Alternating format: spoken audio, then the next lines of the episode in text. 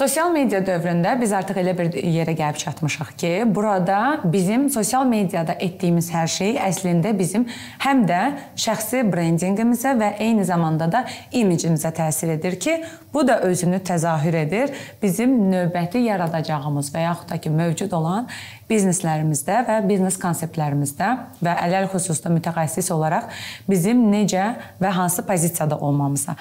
Bu dəfəki mövzumuz şəxsi brendinqimizin biznesimizə təsiri və eyni zamanda bizim onu necə təqdim etmə bacarıqlarımız haqqında olacaq. Bu arada əgər siz Ninja Mama podkastına dəstək olmaq istəyirsinizsə və bu podkastın daha da inkişaf etməsini istəyirsinizsə, izahat bölməsində Kofe al linkinə keçid edərək oradan kofe alaraq dəstək ola bilərsiniz. Qonağım bir çoxlarınızın da yaxşı tanıdığı, onu hər kəs daha çox Kvan kitabı ilə tanıyır. Elə mən də Kvan kitabı ilə tanımışam. Coşqun Kərimovdur. Xoş gəlmisiniz. Çox sağ olun dəvətiniz üçün. Sizin kimi bir natiq qarşısında bir hal-hazırda host olaraq aşırı həyecanlıyam. Öncə ilə həyecanım üçün üzr istəyəcəm.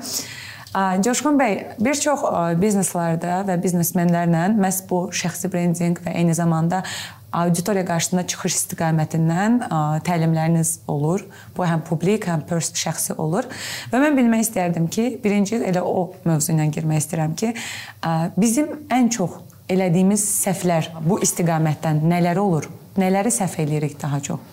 Mahiyyət olaraq brendinq özü damğalama deməkdir. Yəni insan reklam kitabında da mən bunu yazmışdım ki, həyatımızın iki mərhələsi var. Birində damğanı başqa insanlar vurur öz istədikləri şəkildə görmək üçün. Birində də biz özümüz qərara gəlirik ki, məni bundan sonra belə tanıyın.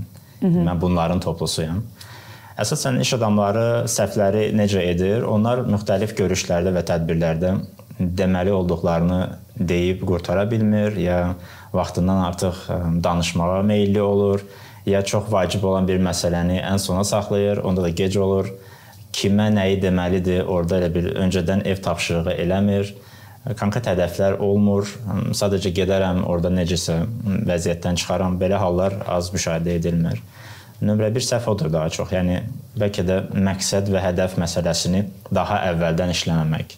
Çünki mən çıxışların əksəriyyətində bunu hiss edirəm. İnsan danışır, ancaq qulaq asan kütlə deyir ki, e, bizdən nə istəyirsən?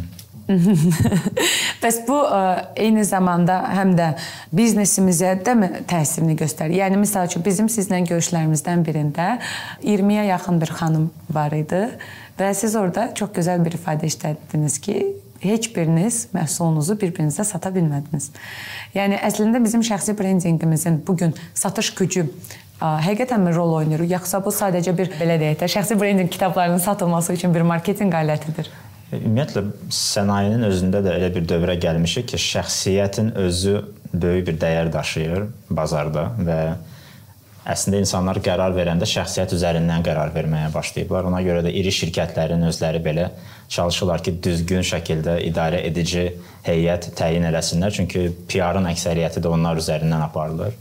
Xanımlarla görüşdə də proses o idi ki, əksəriyyəti öz layihəsini, ideyasını danışan zaman bəzi incəlikləri unudurdu. Məsəl üçün primitiv olaraq adını vurğulamırdı və yaxud 2-3 cümləlik mahiyyətini demirdi. Hərəkətə çağırış demək olar ki, edilmirdi və çox insan üçün öz layihəsi doğmadır. Ona elə gəlir ki, həmin layihəni hamı bilir. Mən də eləyəm. Amma xaricilərin yaxşı sözü var, shameless promoter, yəni utanmadan bəzən eləmək lazımdır bunu. İkincisi də onsuz da insana siz maraqlı və faydalı bir şəxs kimi gəlirsinizsə, onsuz da sizinlə növbəti mərhələdə yenə ünsiyyəti istəyir və onun yollarını axtarır. Ki tədbirdə də siz gördünüz, çoxu sizə yaxınlaşdı, əlavə sual soruşmaq istədi, rekvizit istədilər. Bunu öncədən də eləmək olar əslində. Bəs orada belə deyək də, hal-hazırda dövr zamanında elə bir yerə gəlib çıxmışıq ki, hətta Azərbaycanda da biz kimliyimiz əslində bir növ həm də biznesimizin kimliyi kimi görsənir. Və bunu necə qorumaq olar? Çünki yadınızdadsa sizlə görüşlərimizdən birində demişdiniz ki, məsəl üçün mənim elə öz nümunəmdən getsək, artıq Həvvanı biraz geridə saxlama zamanıdır. Yəni buna biz e, bunu necə başa düşürük ya da buna nə zaman qərar verməliyik ki, bu zaman o zamandır ki, artıq brend özü işləsin.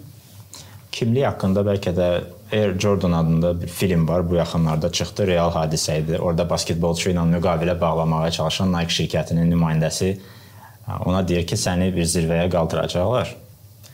Ora qalxandan sonra da sənə düşməyə icazə verməyəcəklər. Çünki səni ora insanlar qaldırıb. Brendinqin biraz elə bir cəhəti də var. Aşırı məşhurluq heç də yaxşı bir şey deyil.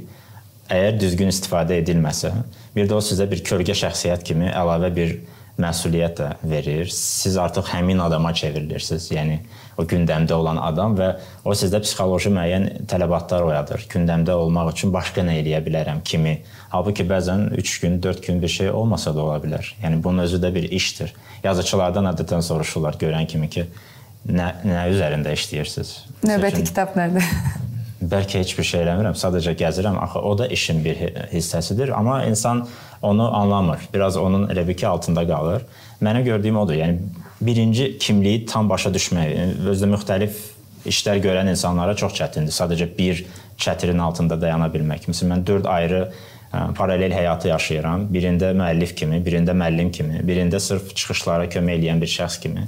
Birində də xüsusi əlaqələri olan insan kimi mediatoram. Mən münasibətlərin məsəl qurulmasında orada bir növ əlaqələri yaradan biri kimi çıxış edirəm. Hə, bunu necə paketləyim? Mən sadəcə bir adam kimi olum. Məsələn, siz özünüz də yadıma gəlir, çıxışlardan birində demişdiniz ki, ancaq müəllif olduğunuz hissəni mən bilirəm. Hə, bunu elədiyinizi bilmirdim. Orada platformanı düzgün seçmək vacibdir. Yəni Hı -hı. sizin 4 müxtəlif şəxsiyyətiniz varsa, 4 müxtəlif platformanız olsun və hərəsini həmin o platformada böyüdün, inkişaf elətdirin. Məsələn, mən yazıçı kimi Facebookun hesabına böyüdüm 2015-16-da. Bu gün son 2 ildə mənim xarici müştərilər bazam LinkedIn məsəl üçün platformasına görə böyüyür. Çünki orada mən başqa bir şəxsəm və onun tələbatlarını verirəm. Eynən mən sizi LinkedIn-də e, daha az oxuyuram, nəinki Facebook-da. Facebook-da daha çox oxuyuram məsəl üçün. Halbuki hər ikisində də izləyirəm. Amma Facebook-da daha sıx oxucunuzam belə deyək də. E, ümumiyyətlə e, belə deyək də, mənə görə bəzən biznesin özünün inkişafı zamanı biznesin də bir yolu var, biznesin də bir brendinqi var və biznesin inkişafı zamanı sanki onu quranın şəxsi brendinqinin bəzən kölgəsi də ola bilər. Yəni belə deyək də insanlar vibe-da qalmaq üçün o biznesi inkişaf edə bilər və bu bir yerdə aldadıcı bir faktor ola bilər biznes sahibkarı üçün ki, okey, əslində bu birbaşa olaraq mənim kölgəmdən gələn detal idi. Halbuki bu biznesin real bazar tələbatı əslində yoxdur. Məsəl üçün, bu incə faktoru ayırd etmək üçün hər hansı bir alətlər və ya da vasitələr varmı? Mən tövsiyə edərdim ki, 2 il, 3 il startapların içində olsun insanlar. Bəlkə də Hı -hı. ən yaxşı məkan oradır. Çünki startap özü özlüyündə bir komanda olaraq biraz reallıqdan kənarda yaşayan insanlar qrupuna çevrilir. Hı -hı. Çünki ofisin içində müzakirələr gedir, biraz real həyatı az görürlər, real tələbatlara uyğun düşünməyə də bilərlər. Mən məsəl üçün onu 24-27 yaş arasında yaşamışam. Bu tutar, amma realda bu o deyil. Yəni mən məsəl üçün şirkətlərə müəyyən bir platforma təklif eləmişəm 12 min istifadəçisi olan iri şirkətlər deyib ki, bizə bu innovativ həllər lazım deyil. Siz işçiləri tapın, 10% sizə verək. Və orada bazar artıq sizə həqiqəti verir. Sizə qalır sadəcə o həqiqətlə ya üzləşmək, ya da bununla bağlı nəsə eləmək. Digər məsələ də bunu bəlkə də ən gözəl nümunəsini Seth Godin verib. Brend məsələsini tam anlamaq üçün deyir ki, bu gün Nike şirkəti qərar versə ki, otel eləsin, az-çox insanlar başa düşəcək ki, bu otel nəyə oxşaya bilər.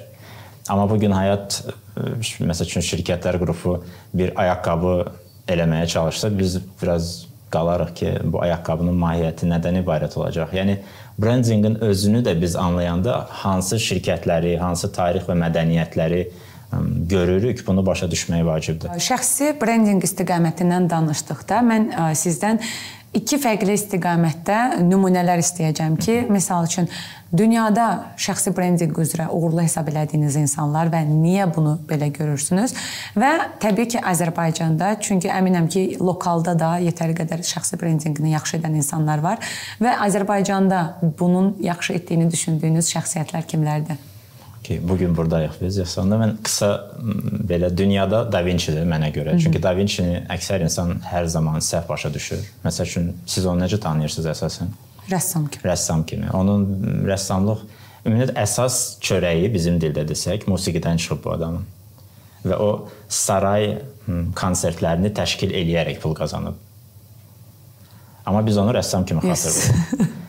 Mən də hal-hazırda sorğuluyuram ki, o tərəfini tanıyırdım Brandinqin mahiyyəti odur. Yəni biri var insanın özünün özünə damğa vurması, biri var insana başqa insanların damğa vurması.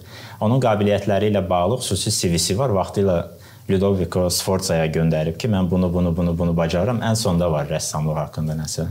Yəni orada birinci siyahıda heç bir şey yoxdur ki, yəni desin ki, məndə məqam nədir? Onun həyatı haqqında yazan Isaacson və Vasari adlı iki alim var da, onu bir sözlə elə bir ə, məzmunlaşdıra bilirlər. Bu adamın əsas dərdi səri maraq olub, həyata maraq.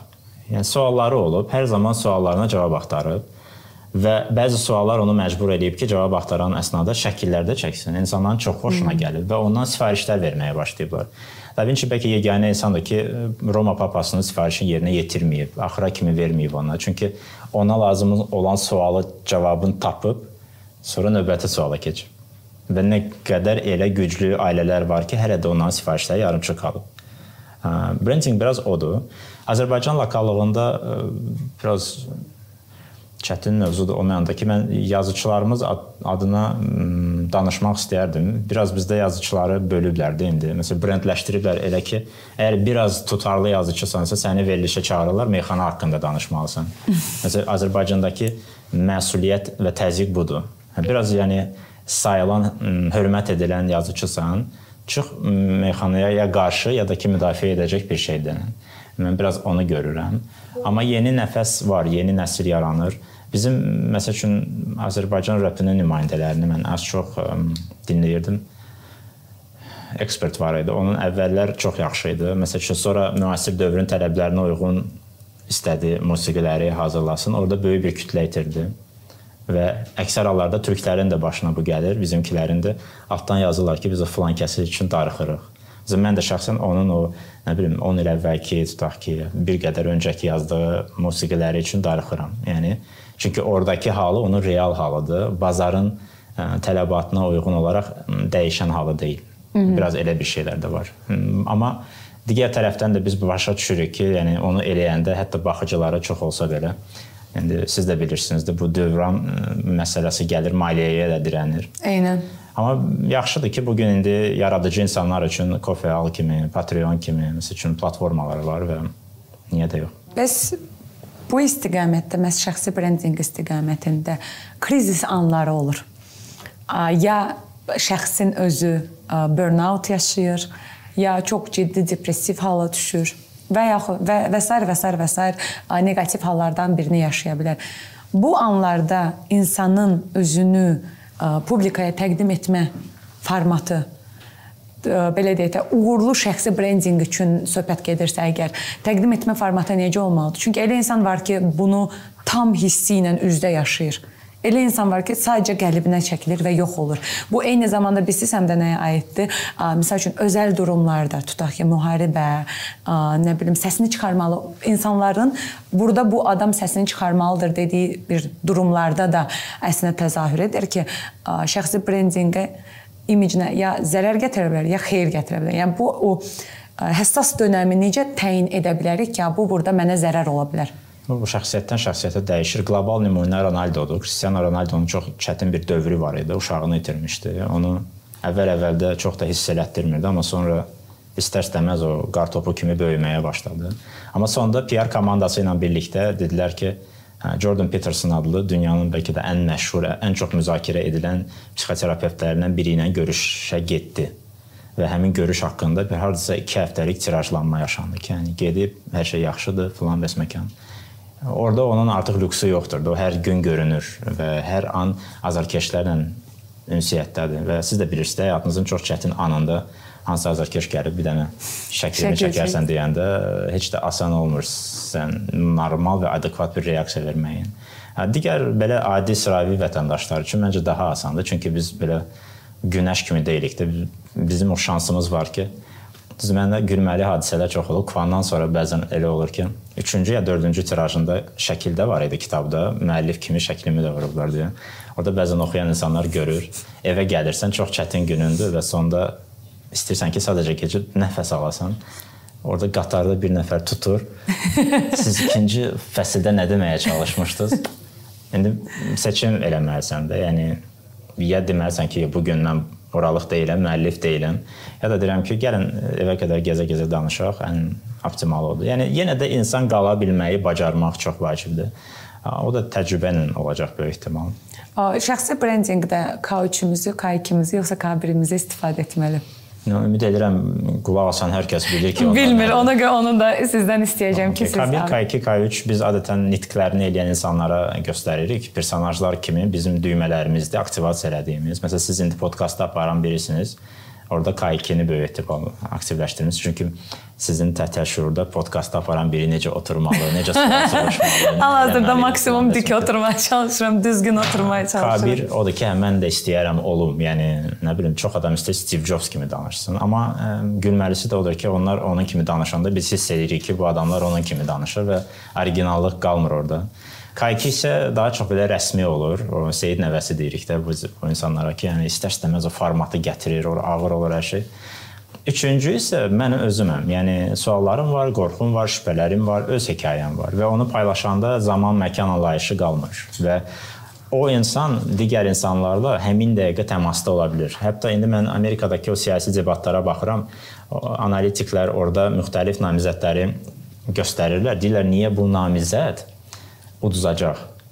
Məsəl üçün orada namizədlərdən biri var. Deyirlər, həddindən artıq düzgün insandır. Ona görə uduzacaq. Yəni düzgün olmağa çalışır. Bir dənə də səhvindən danışmır. Bir dənə də günahını ortaya qoyur. Bir də Trampı göstərirlər məsəl üçün. Başdan ayağa səhvdir. Başdan ayağa məsəl üçün çox belə birbaşa danışır, eləyir və insanlar onu daha real hesab edirlər. Okay, real yəni, hesab var. Bəli, okay. bəli. Çünki mükəmməl insan, orada nəsə şübhəli bir şey var. 100% ola bilməz ki də müqəddəs olsun. Bəs ə, professionallar və yaxud da ki, sahibkarlar ə, şəxsi brendinq cəhdlərini uğurlu və uğursuz olmasını necə ölçə bilərlər? Varmı ümumiyyətlə şəxsi brendinqdə belə bir ölçü alətləri ki, desin ki, "A, okey, mən öz yolumda çox yaxşı gedirəm." Və yaxud da desin ki, "A, okey, bax burada bunları, bunları səhv eləmişik, bunların üzərində yenidən işləyək." Mən şəxsi təcrübəmdən onu bilirəm ki, bizim yerli mütəxəssislərimizin o uşaqlıqdan gələn hekayələri vardı. Nəyisə kiməsə sübut eləmək var. Ailə üzvlərindən kiməsə sübut eləmək üçün müəyyən sektorun 4-cü, 3-cü adamına çevrilirlər və yaxud dostlarına nəyisə sübut eləmək üçün ailəyə sübut eləmək üçün olub. Məsələn, qohumlar vaxtilə kimisə harasa dəvət eləməyiblər. O uşaq qərara gəlib ki, mən elə bir vəziyyətə gətirib çıxaracağam özümü ki, siz peşman olacaqsınız məni ora dəvət eləmədiyinizə görə. O onun brendinin hekayəsidir. Güclüdür, zərərlidir, amma güclüdür. Bir də iş adamı biraz elə bir ki, ləhcəsi ilə bağlı olur, bəzən əziyyət çəkir ki, olarmı mən necəsə bunu düzəldim, sanki bu günahdır da. Yəni. Amma xaricə getsəniz, məsələn mən çox sevərək qulaq asdığım Belçikalı xanım var, Esther Perel, münasibətlərlə bağlı psixoterapevtdir 20 ilin. O danışan kimi biz başa düşürük ki, Belçikalıdır. Hmm, Amma okay. o oturub fikirləşmir ki, mənim ləhcəm belədir, elədir. O düşünür ki, mən insanlara faydanı necə verə bilərəm. Amma bizim əksəriyyətimiz ilk mərhələdə ancaq ləhcəni düşünəcəyik ya da nəyisə düzgün eləmədiyimizi düşünəcək. Onda qalır o fayda, dəyər ikinci planda.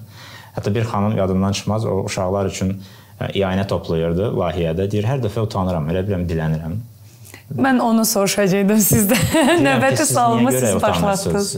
Yəni deyir ki, yox da mənə elə gəlir ki, mən cəmaatdan soruşum siz nə üçün istəyirsiniz o pulu? Və uşaqların hekayəsini danışdı. Sonra özü də başa düşdü ki, nəyin nə qədər səhv düşünür. Bəs orada belə deyim də onun mütləq ki bir psixoloji tərəfləri var ki, insan nəyə görə bunu istəyəndə utanır əslində. Bəlkə də elə siz elə cavablandırdınız ki, o nəyə görə istədiyini nöqtəsini qoysa, bəlkə də çox o dərəcədə utanmaz. Mən yazıçı və sənət adamı kimi deyə bilərəm. Sənət bizdə düzdür, show biznes nümayəndələridir. İllərimi sənətə vermişəm. O yox. Yəni sənət adamı real yazıçı və rəssamların böyük maliyyəyə ehtiyacı varsa, bunu ya öz ailələri daxilində ödəyiblər. Böyük yazıçılar var ki, onların heç vaxt pul problemi olmayıb. Həyatı boyu işləməyiblər. Məsəl üçün fəlsəfə adamları götürək də Schopenhauer həyatı boyu işləməyib, 9-6 yoxdur. Kierkegaard işləməyibdi. İndi Azərbaycanın ən çox tanıdıqlarından Orxan Pamuklu deyək də böyük ailənin nümayəndəsidir. Tolstoyu deyək uşaqlıqdan xadimələri alman və fransız qadınları olub da sıfırına fikir versəniz necə. İndi mən məsələn memar cəmidən başlayıram da standart belə gedir. Orada bizə böyük bir maliyyə lazımdır. Van Gogha maliyyə lazım olub. Qardaşı ilə məktublaşıb, onun məktublar silsiləsi var. Mən hər kəsə məsləhət görürəm.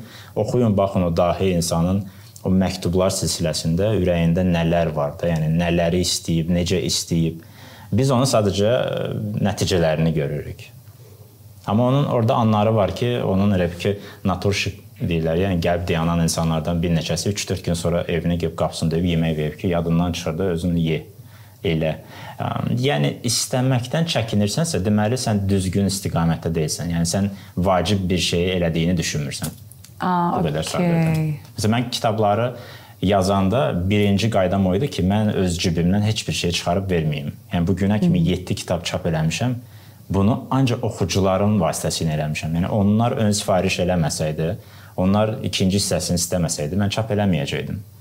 Hmm, Bu qədər sadədir. Və o özü əslində çox vacib bir mesajdır. Yəni Azərbaycanda da nəsə eləmək istəyən insanlar üçün.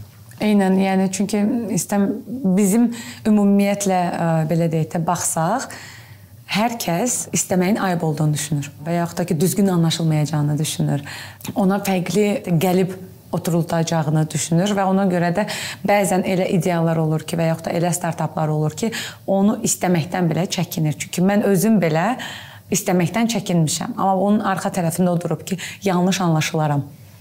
Mənim fikrimi dəyişən yazıçılardan biri Nicholas Lowell Britaniyalı idi. O hər yerdə yaşayır. Bir dəfə Twitterdan ünsiyyət də qura bildi onunla. Onun o izləyicilər haqqında çox yaxşı bir məqamı var. 95%, 5%. 95% deyir ki, sən kitab əgər yazacaqsansa, musiqin olacaqsa, platforman olacaqsa, müftə. Yəni ver, biz bəhrələnək, heç bir şey eləməyək. 5% də deyir ki, limit istəmirlər. Deyir bizə sən qiymət demə. Biz özümüz bilirik sənin üçün nə edəcəyik. Və o 5%-in hesabına həmin insanlar inanılmaz böyük şeylər eləyiblər. Mənim başıma gəlib son 6 ildən çoxdur müddəti mən görmüşəm nələr eləyib xüsusi oxucularım. Yəni oxucu olub ki, 18 yaşında Azərbaycanda nəşriyyat evinin eləyə bilmədiyini Türkiyədə gedib eləyə bilib adıma. Mən ora getmədən. Oxucu olub ki, New Yorkda yaşaya-yaşaya Kvanı ingilis dilinə o maliyyələşdirib tərcüməsini. Okay. Oxucumuz olub ki, alman dilinə özü tərcümə eləməyi təklif eləyib, indinin özündə belə işləyir. Oxucular olub ki, satış prosesində kömək eləyiblər, məktubların bir qismini yazıblar. Bu hamısı icmadır və brendinqin əslində biz ancaq şəxs kimi görürük. Eynən. Şəxs deyil, yəni Jung da onu kollektiv şuur deyirlərdi. Bizim insanlarımız həmişə deyirik, keyfiyyətli məzmuna acıq. Və o qədər acıq ki, onu verən insanı biraz daha da güclü eləməyə çalışır ki, biraz daha çox qidalanaq. Əslində onlar onu şəxsən mənə ya da sizə görə eləmirlər. O kollektiv şuur da istəyir ki, Azərbaycanda bir qədər daha yaxşı şeylər də görə bilsinlər ki, ondan da o tərəfəsi yoxdur. Çox təşəkkür edirəm sizə. Həqiqətən mənim özüm üçün də çox fərqli detallar oldu. Elə ən bəs ən belə deyək də sonuncusu olan istəməkdən çəkinirsənsə, demək ki, düz eləmirsən. Yəni, yəni o mənim üçün çox belə bu günün məncə bu günü yekunlaşdıran bir cümlə olacaq mənim üçün. Sizdən son olaraq ə, izləyicilərimiz üçün belə deyək də yeni başlayan, şəxsi brendinqinə yeni başlayan və bunu hardan başlamasını bilməyən insanlara bir mini tövsiyə istəyəcəm və onunla da podkastımızı yekunlaşdıraq. Yəni unikal alət sosial medianın özüdür və orada platformanın düzgün seçilməsidir və birinci 2 il ümumiyyətlə heç bir şey gözləməməkdir. Yəni hansı bir nəticə, qeyri-adi belə rəqəmlər. Siz sadəcə həftəlik, gündəlik kvotanı doldurmalısınız məzmun olaraq və yaxud sizin işlər olaraq və müəyyən investorlarla da danışacaqsınızsa, bilin ki, onlar adətən yox deyirlər.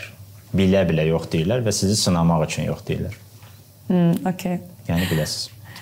Çox təşəkkür edirəm gəldiyiniz üçün. Çox maraqlı Xoş oldu. oldu. Əgər sizin də suallarınız varsa bu mövzu ilə bağlı və yaxud da şəxsi təcrübəniz varsa, hansını ki siz belə etmisiniz, amma belə olubdu, o zaman rəy bölməsində öz fikirlərinizi də yazmağı unutmayın. Bu arada əgər podkastı Coşqun bəydən ilhamlanaraq deyirəm, dəstəkləmək istəyirsinizsə, o zaman məzmun hissəsində Kofe al linkinə keçid edərək bir kofe ismarlayaraq podkastı dəstəkləyə bilərsiniz. Təşəkkür edirəm. Növbəti Ninja Mama podkastlarında görüşənə qədər. Hələlik.